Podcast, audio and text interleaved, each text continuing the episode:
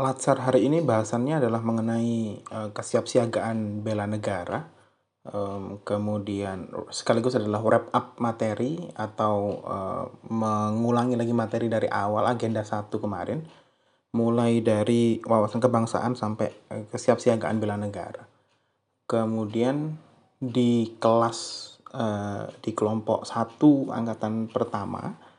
Uh, diskusi berjalan dengan sangat menarik gitu karena banyak teman-teman yang uh, proaktif menyampaikan pendapat kemudian ditambah dengan uh, fasilitasi dari Widya Iswara Pak Pak Tris Nanto yang yang juga um, tidak segan-segan untuk menceritakan pengalaman pribadi beliau sebagai uh, baik itu ASN ataupun sebagai uh, apa namanya orang yang yang sudah berpengalaman banyak dalam hidup gitu Nah, akhirnya dari situ teman-teman mulai terbuka juga untuk menyampaikan pendapat, mungkin terbangun trust, uh, ada rasa nyaman gitu.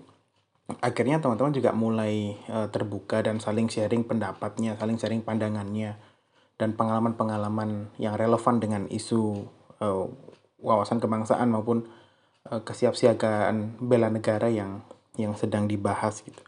Nah, dari dari sini uh, saya mendapat banyak banyak uh, insight kira-kira. Ketika uh, telah menjadi ASN maka tugas pertama dari ASN adalah untuk melaksanakan tata cara uh, bernegara yang baik.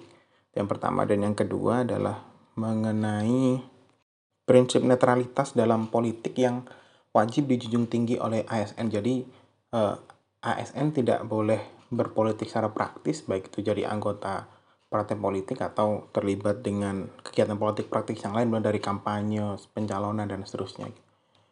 Dan yang terakhir diskusi ditutup dengan e, mendiskusikan kondisi-kondisi dan isu-isu kontemporer yang e, terjadi di Indonesia akhir-akhir ini, kemudian ditarik lebih luas menjadi e, bagaimana posisi Indonesia di e, dunia internasional, kemudian belajar dari pengalaman-pengalaman negara lain juga.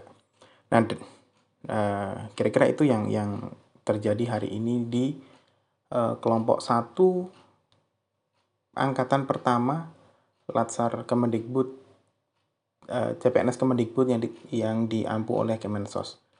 Terima kasih.